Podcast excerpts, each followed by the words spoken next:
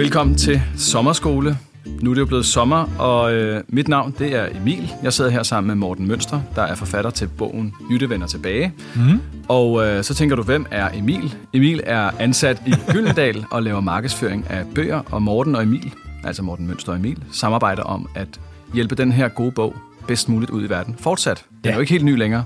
Nej, det er den ikke. Men uh, Morten, nu har vi fået den her gode idé til sådan at genbesøge bogen, mm-hmm. og, og gøre det, som jeg har skrevet her, er en blød og aktuel genopdagelse af bogens spændende sider. Ej, det lyder dejligt. Er det Helt godt? Vel- det har man lyst til. Det har man lyst til. det, det håber jeg, man har lyst til, i hvert fald. Og øhm, så det er det, vi skal i gang med nu. Mm. Og den første omgang her, det bliver jo så første ud af ni omgang, for der er ni kapitler i bogen, og det er sådan, at vi følger bogens kapitler. Altså er der ni afsnit, og det her er det første, og det hedder kapitlet. I et perfekt system er der altid tre medarbejdere, der sidder og drikker kaffe. Ja. Lige nu sidder vi to og drikker kaffe, men øh, tæt på. Vi er ved at være i et perfekt system her. Øhm, ja, skal vi ikke bare gå i gang, Morten? Det tænker jeg. Fedt. Så allerførst, vi skal jo tale om snack. Slack. Snack? Det har vi ikke af. Vi skal tale om Slack lige om lidt. Ja. Men først, hvorfor startede du øh, med det her kapitel? Jamen, alle de organisationer, jeg har arbejdet i, der var ligesom to ting, der altid gik igen. Og den første, det var, at folk sagde, vi arbejder røven ud af bukserne, mm. og vi synes ikke rigtigt, for at blive metaforen, at der kommer noget igennem pølsemaskinen. Det var meget elegant metafor, var det ikke det? Jo, ja. jo. Vi, vi, vi arbejder, arbejder, arbejder, og vi synes ikke rigtigt, vi kan se det output på den anden side. Vi synes, der er et misforhold mellem, hvor meget vi arbejder, og hvad vi rent faktisk kan producere til kunder og borgere osv. Det er den ene ting. Og den anden ting, det er, at hver gang man har folk igennem et uddannelsesforløb, eller man taler med dem over tid, det er jo ofte sådan, jeg arbejder, Ja. så når de aldrig det, man har planlagt. Og, og årsagen er altid, men vi har simpelthen haft så travlt. Der er lige, jeg har fået en ny chef, eller Ja. aktiekursen er faldet. Der Eller, skete noget, vi ikke kunne have forudset. Præcis. Sikkert. Øhm, så det er sådan set de to ting, jeg tænkte, der er simpelthen et eller andet galt med de systemer, vi har, vi har bygget. Og der var det så, jeg faldt over, øh, over det her fantastiske begreb, som, øh, som hedder Slack. Og i bogen, der starter jeg jo første kapitel med en vejmetafor, Ja, som gør jeg har fundet, fordi jeg har nørdet så meget køer. Øh, altså ikke dem, der siger mu, men dem, der er netto. Ja. Øhm, og der fandt jeg ud af, når man sidder og researcher på det, at en vej er mest effektiv, når den er 70% belagt. Så det vil sige, når, der er, når den er fyldt med 70% med biler, så er den 100% effektiv. Ja. Og det begynder så at kigge rundt omkring andre steder i samfundet, inden for produktivitet og andre steder. Der finder man ud af det samme inden for lean for eksempel. Både sådan manufacturing lean ved en linje, hvor man producerer demser, men også ude i organisationer, at man er mest effektiv, når man er 70% belagt med opgaver. Ikke 100%. Nej. Men når du kigger på folks kalendere, så er de næsten altid makse ud med dimser og dutter, de skal Klar. lave. Klar. For ellers så ser det ikke ud, som om man laver noget. Præcis. Øh, og Slack er så den her tanke omkring at få noget elastik, få noget buffer, få noget plads i sin kalender, sin organisation, ja. sådan så man ligesom kan tage imod alle de stød og alle de stimuli, der ligesom kommer, kommer fra omverdenen. Ikke? Og det er så det, kapitlet handler om. Det handler om Slack, det handler om køer og alle de her forskellige ting. Gælder det både for, øh, altså det er jo et organisationsperspektiv langt hen ad vejen, men som læser kan jeg ikke lade være med at tænke, gælder det også for mig? Altså, kan, kan jeg fylde min kalender kun 70 procent? Forstår du mere? Øh, helt klart, og vi kan jo slutte af med at summere nogle ting op, man kan gøre her efter, Ja, ja. Hvert, øh, efter hvert kapitel. Men der er ingen tvivl om, en af de helt konkrete ting, man kan kigge på, kigge på din kalender. Hvis den er 100% fyldt, så har du et problem. Og det er, fordi du bliver ramt af så mange ting. Øh, folk bliver syge, folk får nye arbejde, øh, ting tager længere tid, end man troede. Og det betyder, at alle arbejdsopgaver vokser, og det er altså der, det skaber, skaber ventetid. Og et af de eksempler, som jeg har nu, har du givet mig lov til at nørde rundt i kapitlerne. Ja. Når jeg holder foredrag, så tager jeg jo altid de letteste eksempler at forklare. Nu skal vi svære lytterne rundt her i deres sommerferie med alle mulige super tekniske eksempler. Ej, jeg har et eksempel med, fra, øhm, som jeg er meget stolt af, jeg har fundet, og omskrevet fra en matematisk formel til et apotek i Dubai. For at ligesom Ja. ja. illustrere, hvad er problemet med at være øh, for belagt i sit system. Så man tror, det er godt at være 100% belagt med opgaver og idéer. Det er en øh, katastrofal øh, idé. Øh, så scenen udspiller sig på et apotek i Dubai Lufthavn, og her har jeg jo altid ønsket, at nogen vil spørge mig, hvorfor er det Dubai? For så kan jeg fortælle lidt om skriveprocessen. Ja, hvorfor er det Dubai? Ja, tak Helt ærligt, det har jeg faktisk, det har jeg faktisk Nå, okay. ærligt tænkt Ja, over. jeg er glad for, at alle spørger. steder i verden. Jeg er glad for, at du spørger, det. og lytterne de, øh, bliver ikke glade, når jeg giver dem svaret nu. Nej. Det er jeg sikker på. Det er simpelthen fordi, det er en matematisk simulering af køer. Og for at vi kan lave den troværdig nok, så har vi brug for et sted i verden, hvor folk kommer tilfældigt 24 timer i døgnet. Og så tænkte jeg, hvis nu jeg skriver Kastrup Lufthavn mm. i Joe and the Juice, og jeg skriver det tilfældigt, hvornår folk kommer, så er det garanteret, at vi har så mange kloge læsere, så er der nogen, der vil skrive en eller anden Ph.D., mm. han vil sige, jamen der kommer ikke lige så mange mennesker klokken 3 om natten, som klokken 3 om eftermiddagen, og ergo så duer din simulering ikke. Så jeg prøvede at finde en lufthavn, der var international, som mm. var åben, hvor folk de kom ind. Men det vi skal prøve at se på det eksempel her, det er, hvad der sker, når du er rigtig effektiv. Ja. Når du er rigtig effektiv med dine ressourcer, så er du rigtig ofte rigtig dårlig til at få produceret noget værdi for dine omgivelser. Så i det her eksempel, jamen der øh, siger vi, at øh, vi leger, at du er chef for apoteket, og du skal finde ud af, hvor mange mennesker skal du have ansat til ligesom at servicere kunderne. Tak for den tillid. Ja, øhm, og du finder ud af, ej, du er heldig, fordi du finder ud af, at der kommer i gennemsnit 5,8 øh, kunder i timen, mm. og i gennemsnit tager det 10 minutter at servicere hver kunde. Yes. Så du sidder med dit Excel-regneark, og du siger, okay, 5,8 kunder, 10 minutter, jamen det giver 58 minutters arbejde, og der er 60 minutter på en time. Det er helt perfekt. Jeg skal bare have en medarbejder ansat, og så har de to minutter til at gå på toilettet og drikke glas vand, og lige nå at reload Facebook-siden ja. en pause. Og det, der er så sjovt, er, når man putter det ind, og man siger, jamen folk, de kommer altså ikke bare en af gangen stille og roligt. Det er ikke sådan, verden hænger sammen. Det kommer ikke i gennemsnit. Nej, øh, som jeg tror, jeg skriver i bogen, øh, GDPR kommer ikke, fordi EU har vurderet, at du har lavvand i projektporteføljen, vel? Det kommer bare ind ad døren en tirsdag. Ja. Goddag. Forhold dig til det. Præcis. øhm, så når man laver den beregning her med apoteket, så finder man ud af, at den gennemsnitlige ventetid for en kunde på det her apotek, ja. som er 100% effektivt i sin belægning, Ja. den er 5 timer. Det er lang tid. Det er sindssygt, ikke? Ja. Og Især, især hvis man står med et lidt presserende... ja, lige præcis på apoteket kan der så være nogle, og man skal også have en flyver i øvrigt. Ja, der, er nok, ja. der er mange problemer her. Men jeg synes bare, det var så fascinerende det der med at sige, jamen det ser rigtigt ud på papiret, når, folk, når, når chefen kigger i sit excel ej, alle folk har travlt, alle folk er belagt. Ja, ja, men opgaven, de håber sig bare op, for der kan ikke komme noget igennem det system der. Jeg tror, jeg kalder det forandringsforstoppelse i bogen, ikke? At, at organisationen er forstoppet, og det er, fordi alle folk, de prøver at forandre for meget på samme tid. Ikke? Ja. Så det er ideen med det her sådan, køteori og slack, hele tanken omkring, jamen når vi maksimerer belægningen, jamen så maksimerer vi problemerne, men især ventetiden. Og det er derfor, der ikke kommer noget igennem systemet, det er fordi alle ting står stille. Folk arbejder, arbejder, arbejder på de kunder, der står i køen, men der kommer ja. ikke rigtig noget igennem, fordi køen bliver længere og længere og længere. Ja. Ikke? Ja. Så det er sådan den, den lidt tekniske tanke omkring det her med, hvorfor får vi ikke noget igennem systemet? Jamen det er fordi systemet er 100% effektivt, når det er 70% belagt, ligesom vejen. Det er sjovt, skal fatte. så, så siger du det der, så forklarer du hele vejen frem til den konklusion. Så hører jeg det udsagn og tænker, ej, det kan ikke passe. Ja. Det, ah, altså, Men jeg har siddet, så er det et dårligt system, du taler om. ja, jeg har siddet så meget og haft samme tanke. Men jeg må bare sige, efter, og det er også klart, at jeg er selvfølgelig også lidt biased i, hvor jeg kigger hen og så videre, ikke? men jeg har bare set det så mange steder efterfølgende. Hvorfor er det? Jamen det er fordi, som jeg allerede har sagt, det kan vi tale om i næste kapitel også, folk bliver syge, ting tager længere tid, end vi troede. Ja. Der er omorganiseringer, chefer får nyt arbejde, man får selv et nyt arbejde. Der er så mange ting, men jo mere komplekst dit system er, en ting er, hvis det er en maskine, der bare står og, og, og slår ned i gulvet eller et eller andet. Det kan Ja. måske godt være 58 ud af 60. Ja. Men lige snart du har et komplekst system, og en organisation er jo mere kompleks end en vej. Altså en vej, der er trods alt kun A, B Ja. øh, frem. Eller Øh, der er efter frakørsler måske. Præcis. Jeg havde faktisk øh, i metaforen øh, også engang sådan noget med, at der var nogle tilkørsler med nogle agile teams, der kom. Ja. Ja. Den, den droppede ja, det, jeg. det, var, det er meget spændende, ja. ja. Og der er en bus fuld af jurister, der forhaler processen op foran. Og sådan Øh, noget. præcis.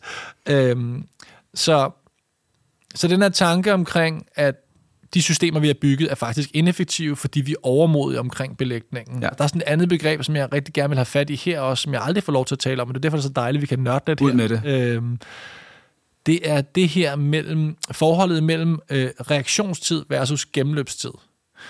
Og hvis vi oversætter det til forandringsledelse, så reaktionstid, det er ligesom, hvor lang tid går der fra, at du giver mig en opgave til at sige, ja chef, og kaster mig over den. Jeg elsker, at jeg lige er blevet din chef der. Sådan er det. Før der var du chef mm. på, øh, i Dubai. Så det, ja. Du kommer lidt rundt omkring. Kommer lidt rundt. Så smag på det forskellige ting. Det er lækkert. Øhm, det er reaktionstiden. Den er meget populær. Er du forandringsparat? Altså er du parat til forandringer? Står du bare og siger, yes, vi. Ja. kører. Det er reaktionstiden. Men det andet begreb, det er gennemløbstiden. Det er der, ikke så mange, der har styr på. Hvor lang tid tog det os egentlig at lave det her tilbud til en kunde? Hvor lang tid tog det os egentlig at betjene den her borgersag? Altså varigheden af det. Det tjekker folk ikke så meget mere. Nej. Og problemet er, når vi prioriterer, hvad du hedder, reaktionstid, vi vil gerne have, at folk går hurtigt i gang med noget. Hvis vi gerne vil have det, så er vi nødt til at have et system, hvor der er noget slack, noget plads, noget elastik. Og det er jo den anden halvdel af kapitlet, hvor jeg prøver så at gå i gang med at give eksempler på det her med, hvad sker der så, når vi ikke er 100% belagte? Ja. Og det eksempel, jeg har, har fortalt mest om, når jeg var ude og tale om bogen, øh, det er det her øh, hospital, der ligger i USA, hvor man øh, øh, har det problem, som alle har, jamen der er fuldt belagt på alle operationsstuer, og det betyder, at der er ventetid, og man opererer om natten, og der er dårligt arbejdsmiljø osv. Ja. Ja. Og så er der så en, øh, jeg tror det var en sygeplejerske faktisk, der får den kontraintuitive idé, som du lige præcis nævnte der. Ja. Øh, hvad med, at vi lader en af stuerne stå ledige? Og simpelthen stue 32, den kan du ikke booke. Den er til alle de mennesker, der kommer ind ad døren lige pludselig, eller til når noget bliver forsinket osv. Og det hun gør, hun stempler en lille del af systemet med Slack. Altså hun giver lidt elastik. Hun sænker belægningsgraden. Og det, der er så sjovt, det er, når man gør det der, så ender man med at kunne operere flere patienter. Og det, er det, der er Fordi så... det der rum et eller andet sted svarer til den der uforudsete begivenhed, der lige kommer og forstyrrer planen, og som så ikke forstyrrer planen, fordi der er et rum. Præcis. Jamen, fordi nu om dagen, og vi har jo nogle, apropos, hvis vi tager nogle af de der forfærdelige eksempler i øjeblikket med, med, med kraftafdelinger i Jylland og sådan noget, Ja. som har alle mulige problemer, der er så alt muligt andet involveret Ja, i det ja. også. Ja, ja. Men en af udfordringerne er jo blandt andet, at der er få mennesker til at kunne håndtere alle de her operationer. Der er ikke noget slag i det system. Nej. Og jeg ved godt, det er lettere for mig at sige, end at uddanne 17 specialister osv., men det er det, der blandt andet er problemet i det system. Og det, man glemmer, det er, når man så er nødt til at udskyde en operation, i tilfældet fra min bog, jamen så er der jo en, der skal i gang med at skrive breve. Så skal der en, der skal rescheduleres. Ikke? Altså, det er jo ikke bare, at man venter. Der er jo rigtig meget administrativt arbejde forbundet med at vente og, og reschedulere ting. Ja. Så netop, når den gik en time over, jamen hvis du er 32 er ledig, så du kan bare putte øh, Jørgen eller Bente derover. Det er ikke et perfekt system, men man ender med at kunne operere flere. Øh, man opererer ikke så meget om natten. Der er færre fejl. Og det, der er så vigtigt for mig at sige med det her kapitel, det er, jeg skulle ligeglad med, om du er sådan en hippie-type, der gerne vil have bedre arbejdsmiljø, eller om du er en ond McKinsey-konsulent, der vil have mere gennem pølsemaskinen. Svaret er stadig det samme. Sænk belægningen. Fælles interesse. Præcis, ja. Både mellem de søde og de onde. Altså, ja, konsulenterne og hippierne går hånd i hånd her. Dejligt. Ja. Så hvad skete der med det her hospital? Altså, en sygeplejerske siger, ja. blokér... De ender med, tror jeg, jeg, men, jeg mener, de ender med at kunne operere 5% flere patienter, hvilket er rigtig, rigtig mange, når du ganger det op på skala. Ja. Og jeg, jeg kan ikke huske tallene præcis, det er sådan noget med, jeg tror, det er 70% færre operationer efter klokken 4 om eftermiddagen, fordi det man jo bare gør i alle systemer, det er, så arbejder man mere Ja. og arbejder senere, ja. og folk spørger igen, og det er lidt tilbage til det der med, Jeg hvorfor sidder og svarer den helt... Ja, ja. Ja. Jeg, jeg, tror, jeg tror rigtig mange, der sidder og lytter, også tænker, ja, det er præcis det, der sker. det var dumt, du sagde, du arbejder gylden dag. Ja. Ja. Nu ved vi, oh. hvordan det er at arbejde herinde. Nej. Ja. Øhm, så, og, og det er lidt tilbage til de spørgsmål til at starte med. Hvorfor starte med det kapitel? Jamen, det er fordi, jeg også tror, at svaret hvorfor er der dårlige arbejdsmiljø nogle steder? Det tror jeg, fordi belægningen er for høj. Og det er fordi, som du Eller også... ambitionerne bliver for høje, ikke? Altså, det er jo det, der giver Ja. en høj belægning, eller hvad? Ja, ja. Jeg vil, jo- jeg vil jo helst ikke kalde det ambitioner. Det er derfor, okay. det kommer. Ja, Mængden af opgaver. præcis. Ja. Det kommer simpelthen, fordi man er naiv omkring virkeligheden versus den teoretiske virkelighed. Ikke? Yes. Så vi tror, når jeg fylder det her ud, så er vi maksimalt effektive. Og det er simpelthen bare mm. forkert. Og nu ved jeg ikke, jeg har sagt det allerede flere gange, men det der med, det er så svært at huske på det der med, dit system er mest effektivt, før det er 100% belagt. Jeg synes, det er skide svært at finde ud af, hvornår, hvor, hvor rammer jeg 70? Og, Altså helt generelt, når jeg, når jeg læser om det, jeg har jo også haft glæden af at læse i bogen, ikke? Ja. Jeg, jeg, har, altså, jeg synes, du er god til at forklare det egentlig. Flot. Men, men jeg kan stadig ikke helt forstå, øh, hvornår er jeg på 70? Nej, og det er der heller ikke nogen, der kan. Nej. Så det er, Og- det er sådan en, en fingerspitzengefühl. Præcis. Jeg vil så sige, nu har der været mange organisationer, det, det er ikke svært at finde ud af, hvad man skal gøre, fordi alle folk er på 120. Klar. Altså, så, så, okay. så Okay. det, vi snakker slet ikke om, at på 75 eller 70, men skal vi gå fra 170 til 160 måske, ikke? Og. Ja. nu skal jeg vise dig et eksempel med et hospital. Øhm, og jeg har haft sådan en anden sjov refleksion, som jeg også skal dele her. Og det er jo det her med, jo højere du kommer op i en organisation, det her det er altså anekdotisk, men den er mm. sikker hver gang. Hvis jeg er sammen med en CEO for en stor virksomhed, så vil vedkommende sige, det er ikke sådan, verden hænger sammen. Lad os sige altså, det Slack. billedet er ikke, som du beskriver. Nej, nej, nej, nej. nej. Siger, Det er jo, du undervurderer jo totalt folks evne til at lave innovative løsninger, bla bla bla. Så kommer du et skridt ned til whatever, en eller anden VP eller SVP, der sidder nede under, siger de, ej, det er ikke sådan helt sådan. Lige snart du kommer ned i noget, der minder om en eller anden, der, der bliver presset begge sider, siger de, det er lige præcis sådan, ja. Verden er. Help me out, ikke? Fedt. Og det, er jo, og det er jo blandt andet fordi, og det kan jeg jo godt forstå, at hvis man er chef for en afdeling, og man skal producere vildt meget, så har man jo ikke lyst til, at en eller anden kommer ind ad døren og siger, du skal lige starte med at droppe 40% af alle dine idéer til næste år. Så, så det er også en arbejdsting, det er en kulturting. Man skal ja. ofte opleve det selv på sin egen krop. Og nu siger jeg selvfølgelig provokerende det der med, at folk skal sidde og drikke kaffe. Selvfølgelig, det mener jeg jo ikke, fordi der er masser af arbejde. Der skal bare være et hierarki i opgaverne. Mm. Det er det, der ikke er længere hos Alt er vigtigt. Alle de opgaver, du har, Emil, er der en eller anden, en eller anden silo, der fortæller dig, det er simpelthen afgørende for, at vi kan nå det her target. Og det betyder, at når så du bliver væltet af virkeligheden, hvad skal du så prioritere? Jamen lige meget hvad du gør, så har du tabt. Ikke? Ja. Så får du måske moralsk stress, hvis du ikke har fysisk stress. Det er sådan, nej, det er også dårligt og dårligt til mine arbejdsopgaver. Ikke? Jeg har et eksempel med, fordi jeg blev besat af det her køer, som jeg også tror, at læserne vil se, der, der er mange, mange sider om køer, ned fra Netto, ikke? hvor jeg prøver at give eksemplet, at i gamle dage, ikke? nu er du 86, er du ikke det? Korrekt, jo. Ja, ja. Ja. Vi er i Mexico. Du nåede det lige. Ja, men jeg, det fylder meget i mig. som sådan en erfaret ting, ja. ja. Øh, jeg er jo 80'er, øh, og jeg kan jo huske dengang, man stod i kø nede i supermarkedet, og køen var bare uendelig, og der skete ikke en skid. Altså det der med, at du kan bede om at få åbnet en kasse i Netto, det var sådan en ting, Det da kom du var senere. 6-7 år. Det var ikke, Det er også forkælet 86'er, der har den. det er ikke en ja. menneskeret, kan jeg sige. Øhm, og det er jo fordi, at der er en masse søde, især unge mennesker, der går rundt og sætter varer på hylderne og gør nogle ting, og så siger de, okay, øhm, vi skal åbne en kasse. Så er der, en, der er ledigt, der er slack i systemet til, vi kan åbne en kasse. Og sidste ende, konverteringsparametret i en butik, det er, lad os sælge nogle demser. Det er det ja. Vigtigste. Så der er altid en ledig til at gå ned og sætte sig i kassen.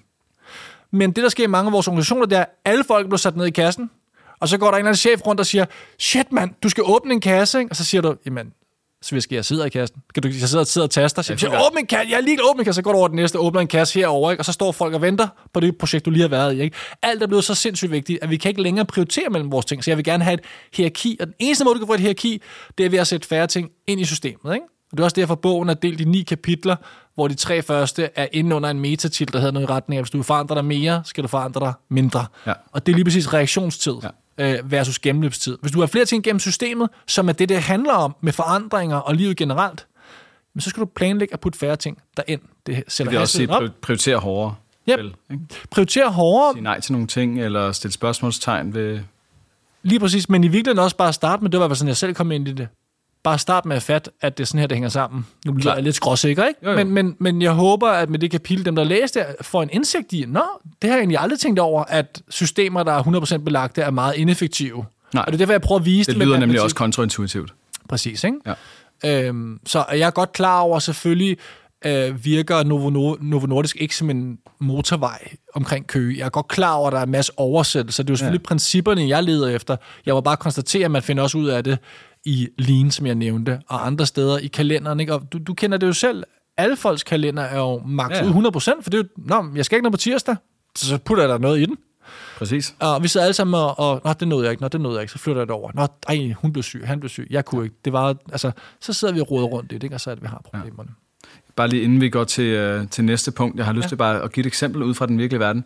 Nu har du jo, Morten, lige været ude og, og rejse i den store verden, så jeg er ikke ja. sikker på, at du har hørt den her debat, der har kørt. Nej. Øh, I den offentlige forvaltning, der har der været ret meget øh, debat om, at de ansatte i øh, diverse statslige apparater, de har øh, meget travlt selvfølgelig, og mm. lidt, eller det du beskriver med, at alle ting er blevet så vigtigt, mm. så har de haft øh, en, bare en mailkultur, mange mails, mange møder, alt muligt, alt det du beskriver. Så har de haft en kultur om, okay, men så lad os proppe den der hasterdims inden for Outlook på vores mails, ikke? Og så har de fandme opfundet en haster-haster. Er det Fordi, fordi der er jo, det, det er blevet så øh, almindeligt, altså Ja. ja. Peter Ulven-stemning omkring Ja, ja, ja. ja. de der haster-mails. Ja. Ja. Fordi alle mails fucking haster, ikke? Undskyld mit franske. Så de, jeg synes bare, det er så sjovt. Altså, og så Ja. er det oplagt, at hvad bliver det næste? Det er jo så en triple, ja. triple haster. Ja, dobbelthaster. så kan man bare blive ved med bare at mose på ned i det der system, ja. der ikke kan absorbere ja. al den vigtighed. Ikke? Ja.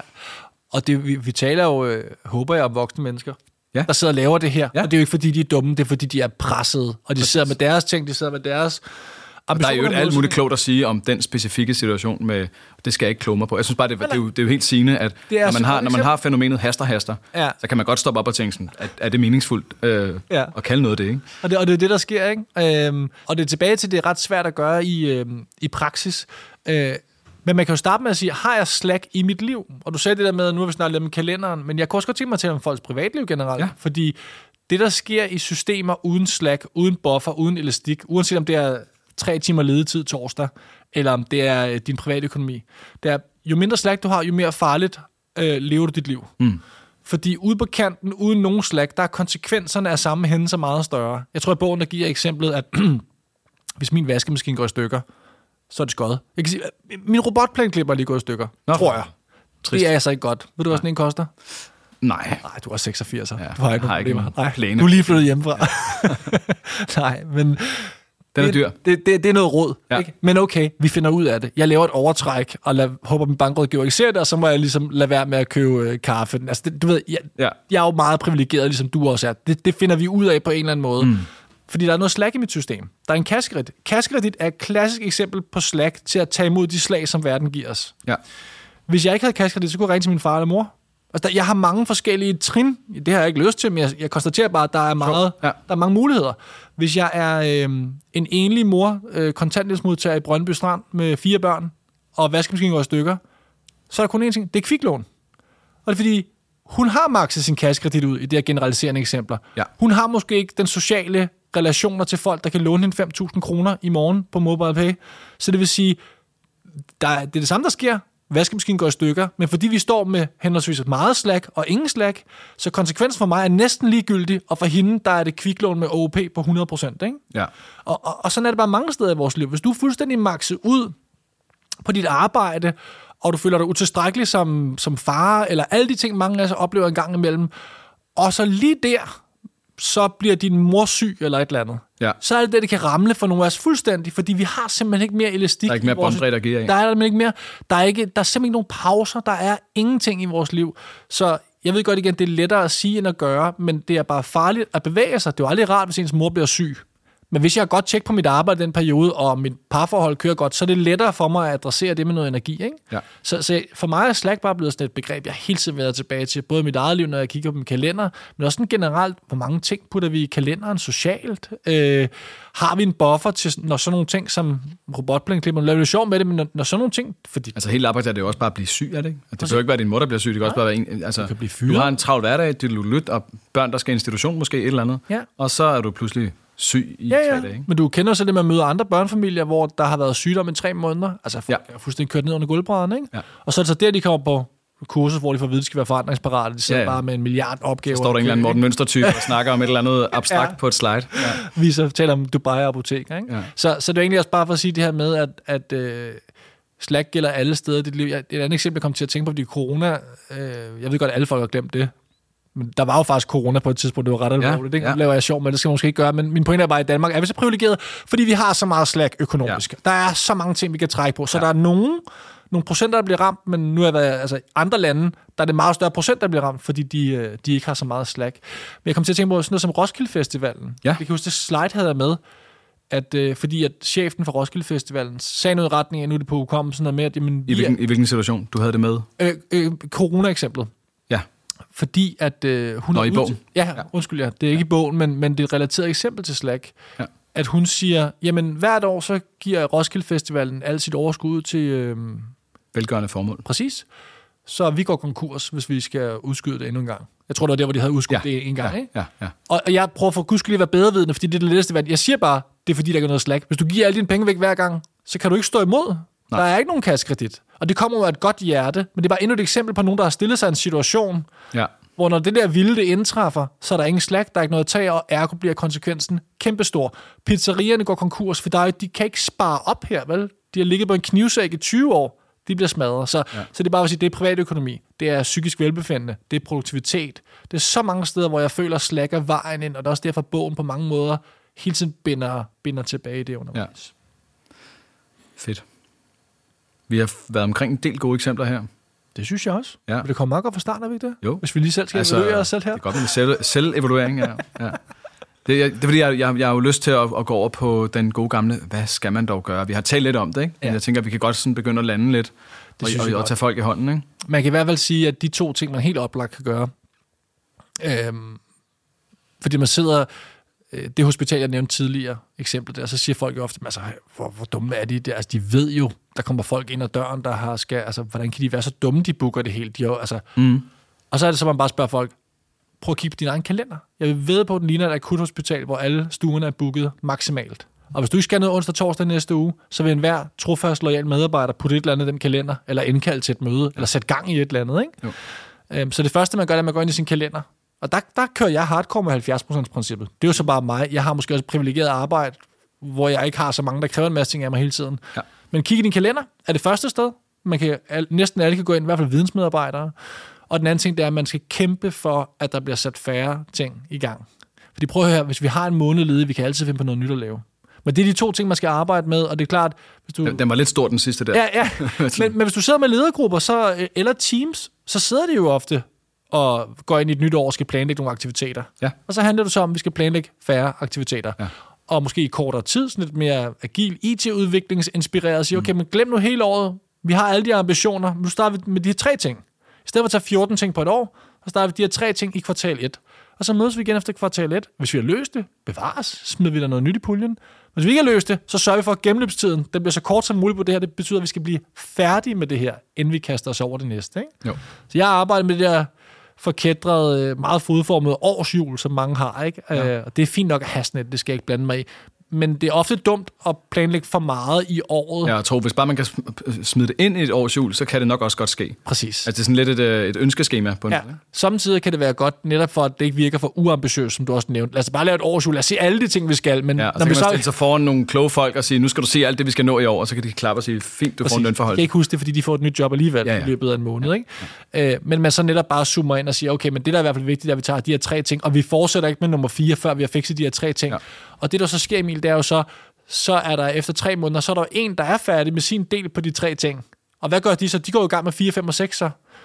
Og det er bare det, man skal passe lidt på. Og det er fordi, de vil være 100% belagte. Hvor vi på en eller anden måde skal have adresseret den her ressource, uden de sætter i gang en masse nye ting, som bare kommer til at holde i kø og vente på os andre. Og så ja. Videre, ikke? ja. ja. Klart. Mm? I forhold til, øh, det er måske bare min egen interesse i det, ikke? men den der... Øh, at prøve at øh, få stanset alle de her mange øh, gode idéer. Man kan se, en ting er, at vi sidder ved årsjulsplanlægningen og ved, ah, niks, kun tre, ikke? Ja. Men som uh, menig medarbejder er det jo ikke altid, at jeg kan påvirke Nej. særlig meget, hvad der ender i det der årsjul, fordi der sidder en eller anden øh, ambitiøs leder, ikke? Ja. At bare sådan, som en værre øh, gavtyv her, at altså, hvad kan jeg dog stille op, hvis jeg, ja. bare, hvis jeg ikke har mulighed for ligesom at påvirke det direkte? Jeg synes faktisk, hvis det er okay, nu er du intervieweren, jeg synes faktisk, ja. vi gemmer det til næste kapitel. For skal vi tale lidt om lige præcis det der med, hvordan vi undgår at smide for mange ting ind i systemet. Klart. Mm? Det var en teaser. Ja. God teaser. Man skulle tro, vi havde planlagt det. Ja. Det havde vi måske lidt. Øhm, jeg synes jo egentlig, vi har været omkring ja. kapitlet, sådan Uden, at, uden at gå til bunds i det. Men, jeg øh, håber, jeg fik forklaret det der med køteorien ordentligt, for der sad lidt genlæst kapitel, så eksploderede mit hoved bare med alle mulige ting, jeg gerne vil sige. Så jeg håber ikke, det blev alt for rodet, men det Overhovedet ikke, forklaret. At, siger jeg. Ja. Øh, måske er jeg for indforstået til at vurdere det, men det synes jeg ikke. Okay. Det synes jeg ikke. Det satser vi på. Cool. Fedt. Tak for snakken. Selv tak. Og så siger jeg bare lige her på falderæbet. Du lyttede jo til første ud af ni afsnit øh, i sommerskole, som vi kalder det. Og det er en genlæsning af Morten Mønsters Jytte vender tilbage. Hvis du synes, det her var lidt sjovt, og du gerne vil have fingre i bogen, og du måske øh, ikke længere har den stående, eller du aldrig har haft den, så har vi en lille rabatkode hos Saxo. Den hedder Sommerskole, og hvis du skriver Sommerskole i rabatkodefeltet på Saxo, så kan du få 10% rabat på bogen. Oh, ja. Lige nu. Og hele sommeren ud. Sig det ikke til din nabo, eller gør det. Du vælger selv. tak for snakken, morgen. Så tak.